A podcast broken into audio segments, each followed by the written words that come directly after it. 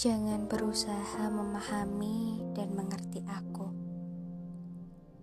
Sekeras apa pun kamu mencoba, tidak akan pernah bisa.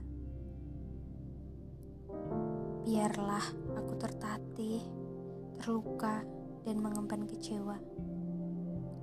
Bukan tanggung jawabmu untuk mengobati lukaku. Di antara banyaknya tangan, ya, Tentunya hanya tangan lelaki itu yang kudamba dan kunanti. Sedangkan kamu yang belum seutuhnya mengenalku, untuk apa berusaha mengurangi piluku?